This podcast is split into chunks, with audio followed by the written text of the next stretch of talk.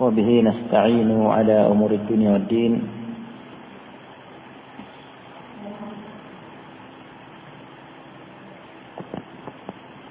أشهد أن لا إله إلا الله وحده لا شريك له. وأشهد أن محمدا عبده ورسوله صلى الله عليه وعلى آله وأصحابه أجمعين ما بعد. قال المصنف رحمه الله في القرية أو البلدة إذا أراد دخولها ذكر yang diajarkan oleh Nabi SAW tentang Korea atau baldah suatu perkampungan suatu negeri ya suatu perkampungan perkotaan negeri tidak arada dukhulaha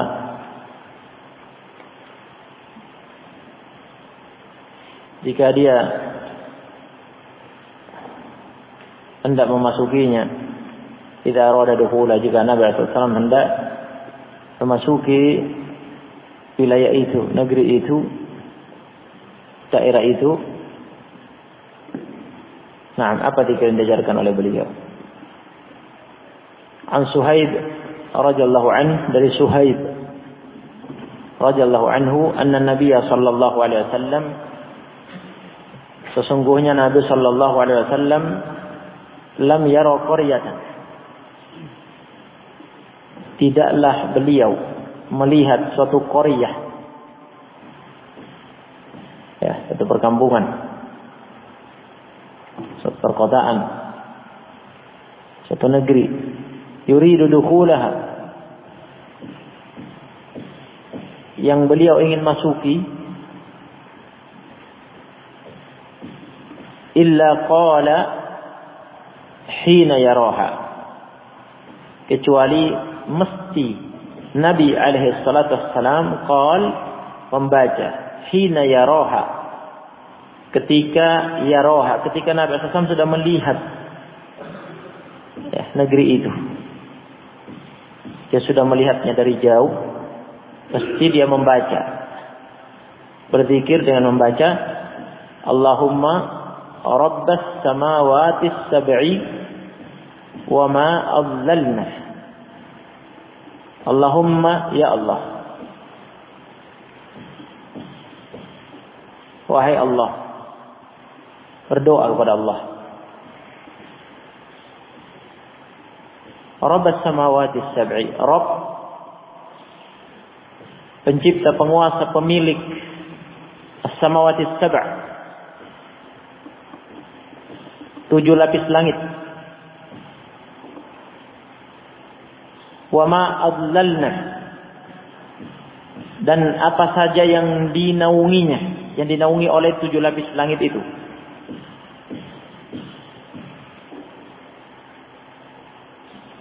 Wa rabbal aradina sab'i. Wa dan Rob pencipta, penguasa, pemilik ngatur Rob. Al aradina sab'i Rob. Tujuh lapis bumi. Wa ma aqlalna dan apa saja yang ditampungnya. Dan apa saja yang ditampungnya. Dari seluruh makhluk. Dan semua itu adalah makhluk ciptaan Allah di bawah kepemilikan Allah, kekuasaan Allah, pengaturan Allah sesuai kehendaknya. ورب الشياطين وما أضللنا.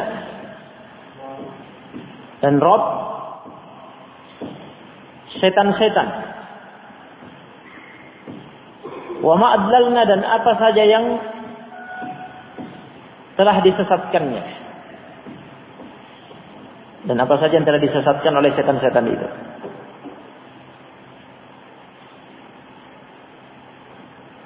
Dan menjadi bala tentaranya pengikutnya. Wa rabbar riyahi wa ma daroina dan Rob ar-riyah, Rob angin-angin. Rob angin-angin yang bertiup. Wa ma daroina dan apa saja yang diterbangkannya. Dan apa saja yang diterbangkan oleh angin-angin itu. Yang dibawa terbang oleh angin-angin itu.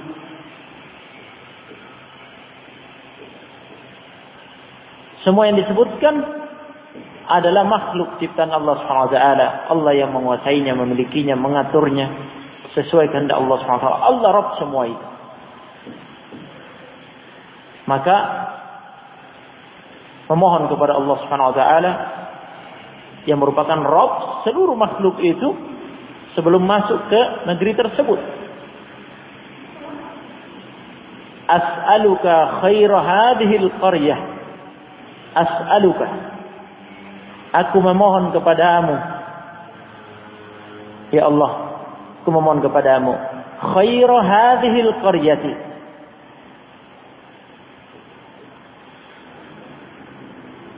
kebaikan yang ada di negeri ini. Di wilayah ini. Wa khaira ahliha.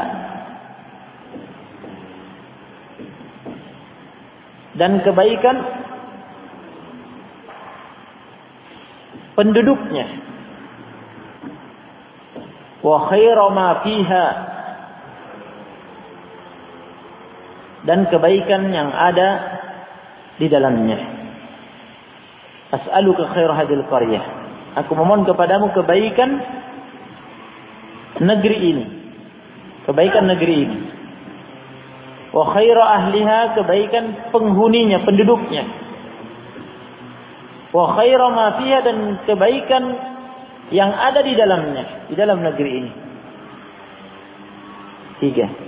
Nah, kebaikan negeri ini, kebaikan penduduknya dan kebaikan yang ada di dalamnya. A'udzu bika min syarr wa a'udzu bika min syarriha. Dan aku berlindung kepadamu dari kejelekan negeri ini. Wa syarri ahliha. Dan kejelekan penduduknya. Penghuninya. Wa syarri ma fiha dan kejelekan yang ada di dalamnya.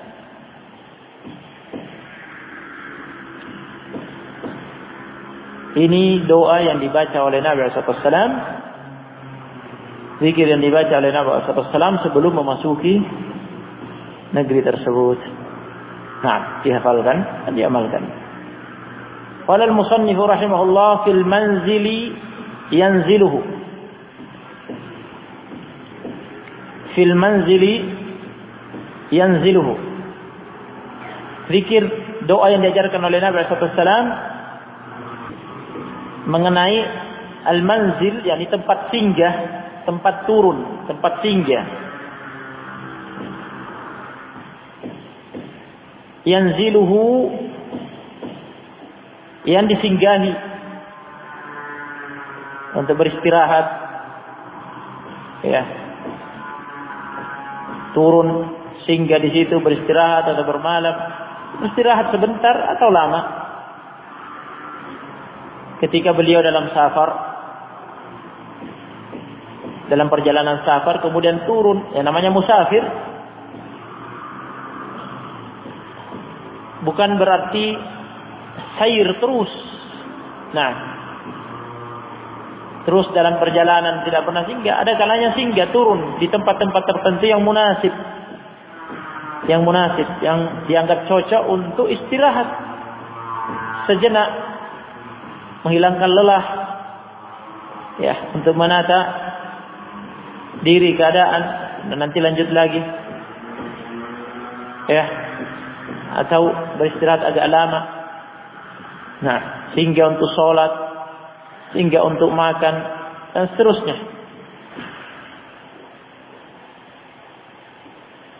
Apa yang dibaca ketika turun singgah di satu tempat.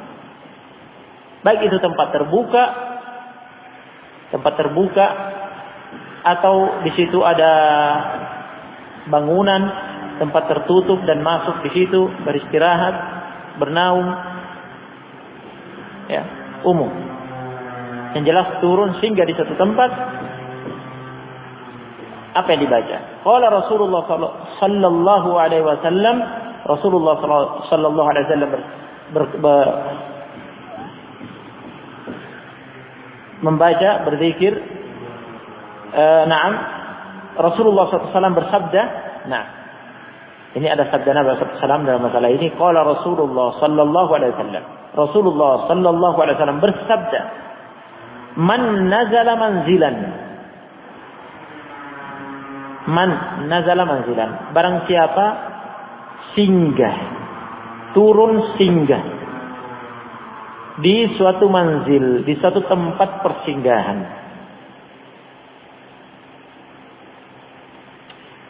Thumma qal. Kemudian dia berzikir membaca. A'udzu bi kalimatillahi tammati min syarri ma khalaq. A'udzu bi kalimatillahi tammati min syarri ma khalaq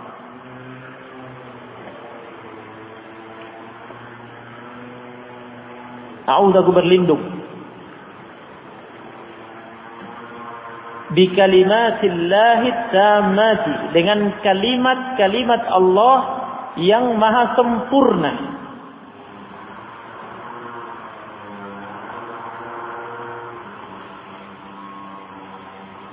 Min syarri ma khalaq. Min dari syar kejelekan ma khalaq. Makhluk apa saja yang Allah telah ciptakan. Ya mungkin makhluk itu ada di sekitar situ. Mungkin di situ, di sekitar situ ada lubang, ada ularnya. Atau di situ ada batu, di baliknya ada kalajengking. Ataukah hewan berbahaya berbisa lainnya. Ataukah hewan-hewan lainnya atau makhluk lainnya yang bisa membahayakan. Yang ada di situ. Ya. Di tempat dia singgah yang bisa membahayakan dirinya. Dengan berlindung kepada Allah Subhanahu wa taala dengan membaca zikir ini kata Nabi SAW lam yadurruhu syai'un. Lam yadurruhu syai'un. Ya di di fathir ya. Lam yadurruhu Karena lam harfu jazmin. Lam yadurruhu syai'un. Tidak akan memudaratkan dia. Apa pun yang ada di situ dari makhluk-makhluk Allah Subhanahu wa taala di tempat dia singgah. Apa pun dari makhluk-makhluk Allah Subhanahu wa taala ya bisa membahayakan yang ada di tempat dia singgah tidak akan memudaratkan dia, tidak akan membahayakan dia. Karena dia telah berlindung kepada Allah Subhanahu wa taala dari dari hal itu hatta yartahila min manzili dari hatta sampai yartahila dia pergi. Yartahil dia pergi. Min manzilihi dzalik dari tempat itu. Dari tempat singgahnya itu. Sampai dia meninggalkannya. Selama dia di situ dia dilindungi oleh Allah Subhanahu wa taala.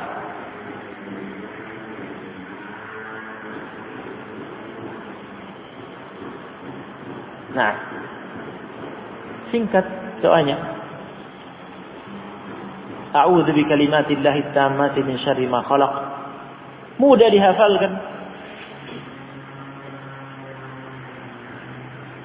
Namun at-taufiq biadillah subhanahu wa ta'ala. Namanya taufik di tangan Allah subhanahu wa ta'ala.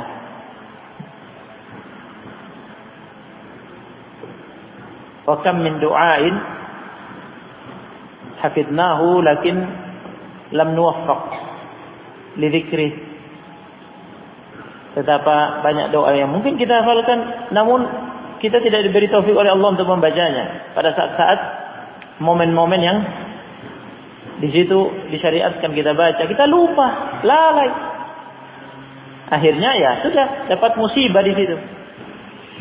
Ternyata disengat segala jengki. Nah, atau mungkin tidur di situ telinganya dimasuki semut. Nah, biasa kemasukan semut telinganya sakit sekali ya. Semut atau yang lainnya. Nah, lupa berdoa dari gangguan makhluk-makhluk Allah wa taala. Semisal itu. Nah, ada saja yang mengganggu dari hewan yang menyakiti kena musibah. Lupa berdoa masalahnya. Nah, ketika seseorang diberi taufik Allah SWT untuk mengingat doa itu dan membacanya, ya Allah SWT melindunginya. A'udzu bi kalimatillahi tammati min syarri ma. Ini merupakan salah satu dalil yang dijadikan dalil oleh ulama untuk mengatakan bahwa ya di antara sifat Allah Subhanahu wa taala yang maha sempurna adalah sifatul kalam. Sifatul kalam, sifat berbicara. Allah maha berbicara. Berbicara dengan huruf-huruf yang menyusun kalimat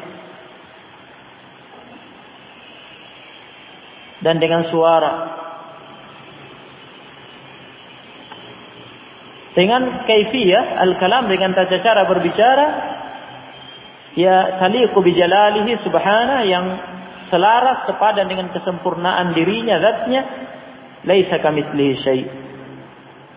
Tidak ada yang sama dengannya dengan sifatnya. Tidak ada dari makhluk yang sama cara berbicaranya dengan Allah yang sama suaranya dengan Allah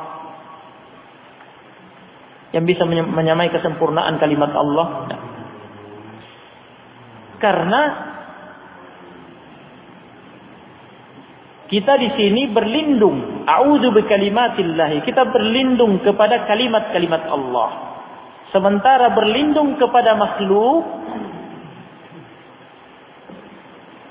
berlindung kepada makhluk, berdoa berdoa berlindung kepada makhluk syirik besar berdoa berlindung kepada makhluk syirik besar. yakni berdoa berlindung kepada makhluk. Berlindung kepada makhluk dalam perkara yang ini sifatnya ta'abbud. Memohon perlindungan dengan sifat takarrub, ta'abbud, ini sifatnya ibadah.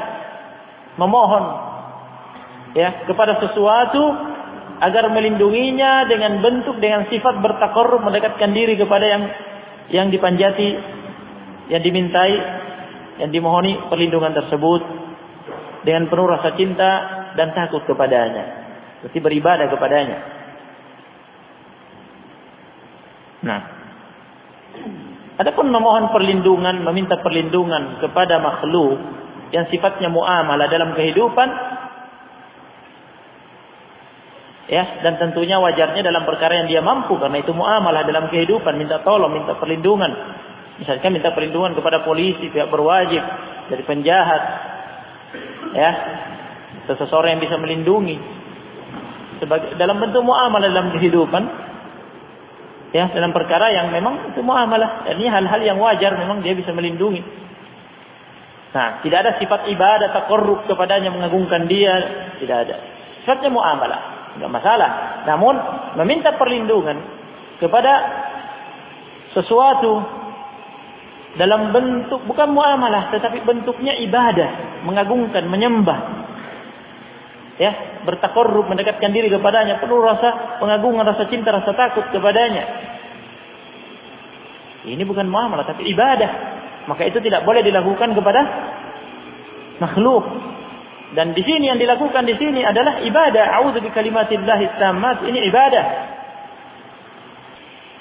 Nah apalagi min syarri ma khalaq minta perlindungan dari kejelekan seluruh makhluk ini tidak ada yang bisa melakukannya kecuali Allah Subhanahu wa taala.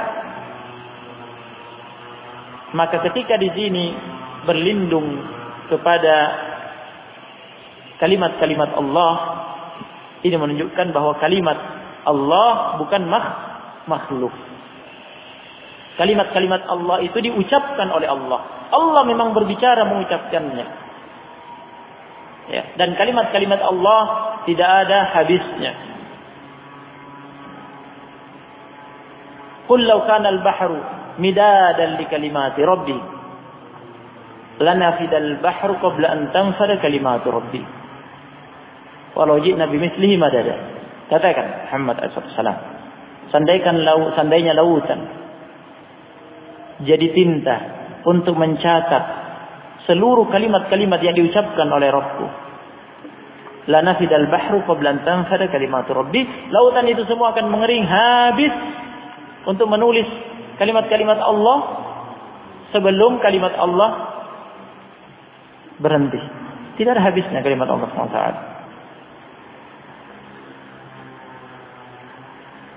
Meskipun kita mendatangkan lagi lautan yang semisal dengan itu terus tidak akan ada, tidak akan bisa mencatat semuanya. Lianna Allah Subhanahu wa yatakallamu kaifa sya' mata sya' Allah Subhanahu wa taala akan berbicara sesuai yang Allah kehendaki, kapan saja Allah kehendaki. Fahuwa mutakallimun azalan wa abadan, Allah Subhanahu wa Maha kuasa berbicara azalan wa abadan. Sejak dahulu tanpa ada permulaan karena Allah zatnya tidak ada permulaannya. Dan sifat kalam sifat berbicaranya Allah senantiasa ada padanya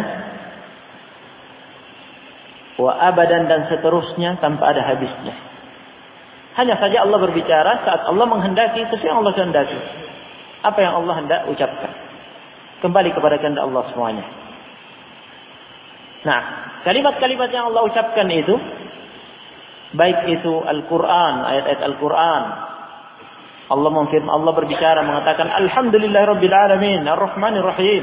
Allah berbicara membaca ayat-ayat itu. Nah, itu semua Allah yang mengucapkan. Begitu pula isi Injil. Ya, Taurat dan kitab-kitab samawiyah. Isinya itu adalah kalimat-kalimat Allah, ucapan-ucapan Allah, Allah yang mengucapkannya. Dan begitu pula kalimat-kalimat Allah yang lainnya. Nah, itu semua sifat Allah Subhanahu wa taala. Nah, ini akidah sunnah wal Jamaah. Oleh karena itu, di sini kita dibimbing berlindung kepada kalimat-kalimat itu. Kita berlindung kepada Allah Subhanahu wa taala dengan sifat-sifatnya. Karena itu bukan makhluk. Nah, aku berlindung dengan kalimat-kalimat Allah yang tamat, yang maha sempurna. Karena kalimat-kalimat Allah maha sempurna, tidak ada kekurangannya. Tidak ada kesalahannya, tidak ada keliruannya. Dan tidak sama tidak sama tentunya dengan makhluk. Nah, ini akidah Ahlussunnah Jamaah. Adapun Ahlul Dalal, Ahlul Bidah wal Ahwa dari kalangan Jahmiyah, Mu'tazilah dan semisalnya mereka menuduh Allah Subhanahu wa taala tidak bisa berbicara. Ya. Tidak punya suara, tidak bisa berbicara. Nah, yakni mentasbih, mentamsil, menyamakan Allah dengan makhluk yang tidak bisa berbicara. Disamakan dengan yang bisu, disamakan dengan benda mati yang tidak bisa berbicara. Dan ini tentunya menghina Allah Subhanahu wa taala. Nah, sallallahu alaihi wasallam Pentingnya belajar akidah. Nah, di kalangan makhluk saja ya. Di kalangan makhluk yang bisu tidak bisa berbicara itu cacat. Ya, dan itu kekurangan. Yang sempurna yang bisa semakin fasih berbicara, semakin pandai berbicara, semakin sempurna. Masa kemudian Allah dikatakan tidak bisa berbicara? Nah. Subhanak, ada dhalalun mubin.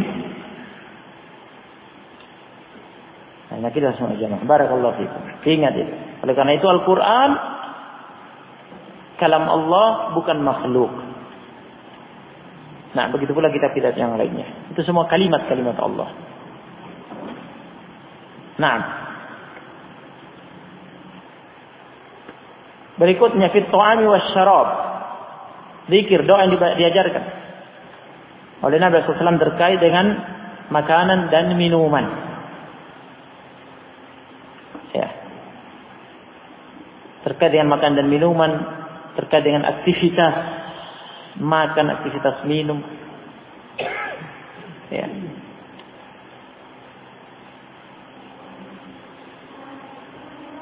Baik.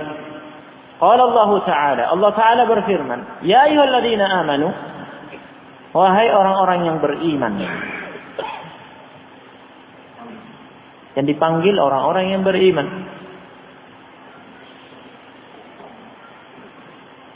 Nah, yakni buktikan keimanan kalian dengan melaksanakan perintah ini, yaitu kulu min thayyibati ma razaqnakum. Kulu makanlah kalian. Min dari. Thayyibat yang suci. Yang baik.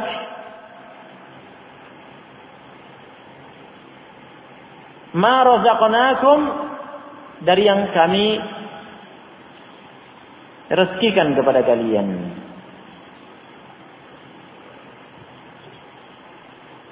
masuk di dalam thayyibati ma razaqnakum, masuk di dalam kategori rezeki-rezeki yang baik dan suci.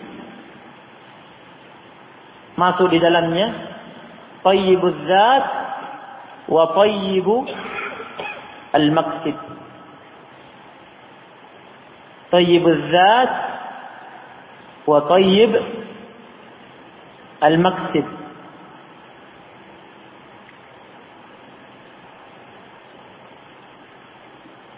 Tayyibuz zat artinya zat makanan itu, unsur makanan itu baik, suci, bukan najis. Bukan sesuatu yang memudaratkan, yang dilarang, yang diharamkan.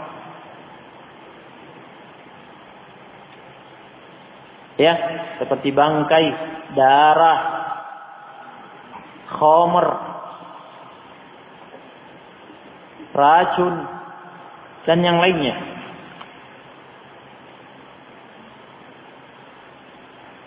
Tayyib, tayyibul maksib yang kedua, yang ini umum, siapa saja tidak boleh memakannya. Baik yang punya maupun yang diberi sebagai hadiah atau dihibai dan seterusnya. Nah, tidak boleh. Yang kedua tayyibul maksib. Baik suci dalam hal menghasilkannya dalam hal menghasilkannya apabila menghasilkan rezeki itu dengan cara yang haram apakah dengan muamalah ribawi atau dengan ghish penipuan atau sarik hasil pencurian ya. Dan semisalnya cara-cara maksib, cara-cara kas yang diharamkan oleh Allah Subhanahu wa taala, maka haram memakannya dan memanfaatkannya. Oleh orang yang menghasilkannya dengan cara yang haram tadi. Bagaimana dengan orang yang orang kedua, tangan kedua yang mendapatkan rezeki? Rezeki itu makanan yang zatnya Bukan yang pertama. Dari segi zat, tayyib dia, suci. Ya, makanan enak, minuman enak, atau uang atau yang lainnya. Yang halal dari segi unsurnya zatnya.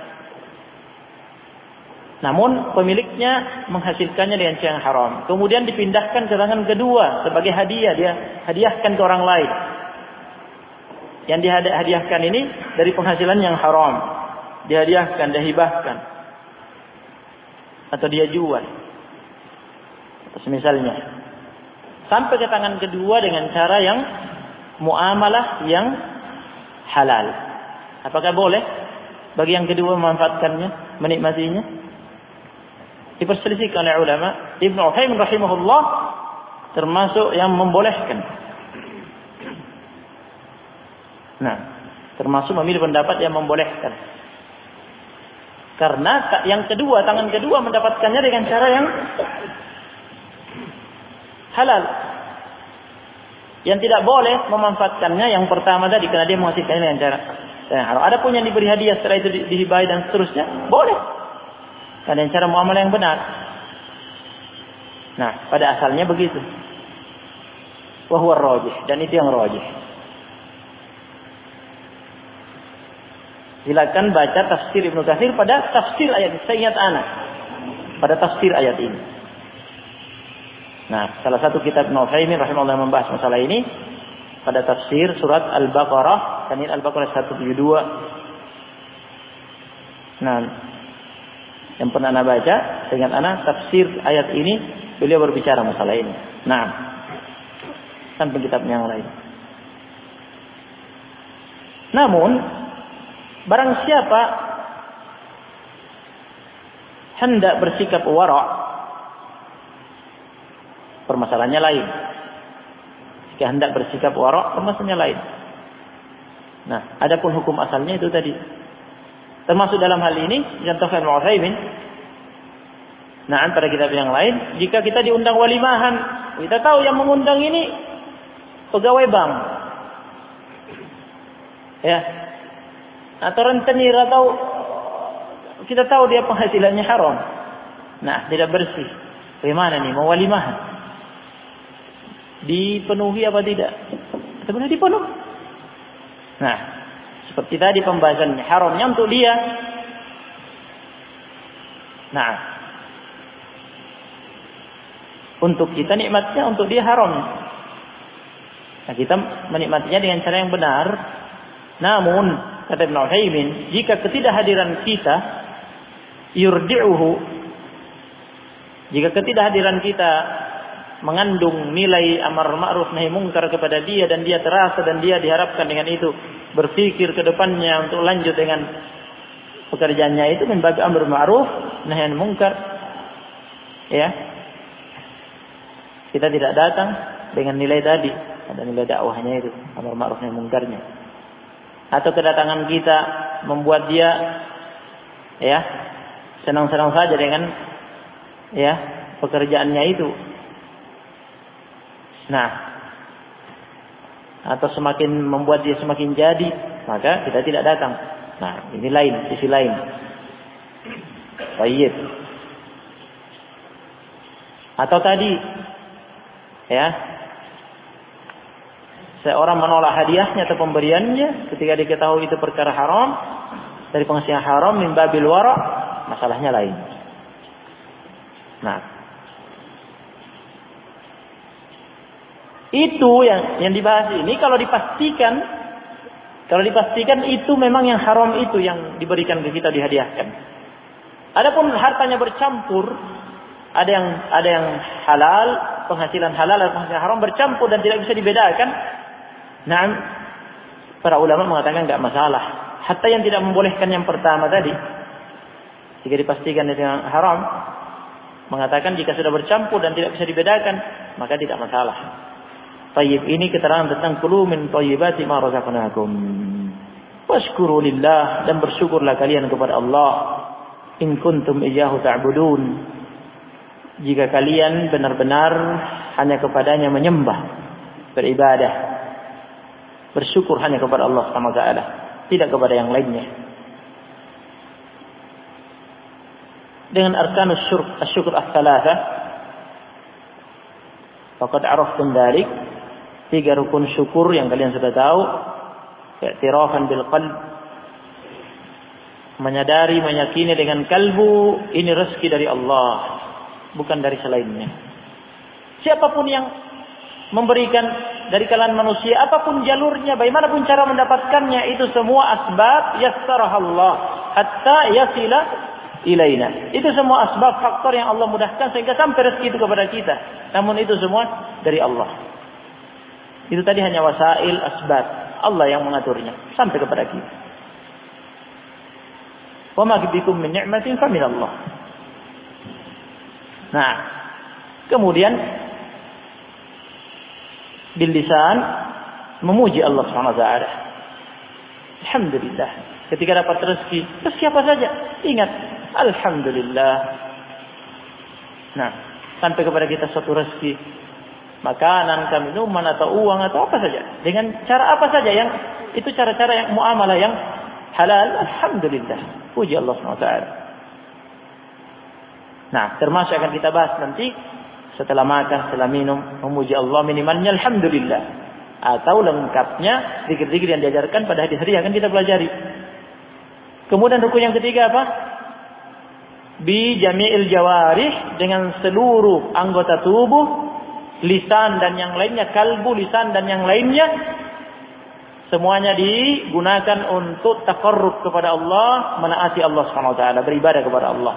Dengan amalan kalbu, amalan lisan, dengan amalan jawari yang lainnya. Ya. Dengan rezeki-rezeki tersebut ya.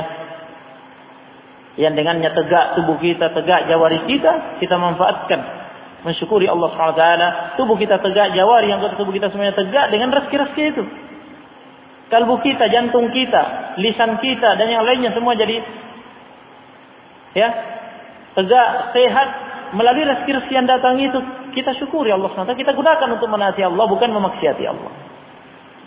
In kuntum iyyahu ta'budun. Barakallahu fikum. Kita cukupkan sampai di sini hadis-hadisnya tertunda insyaallah pertemuan berikutnya باذن الله taala jazakumullahu khairan. سبحانك وبحمدك لا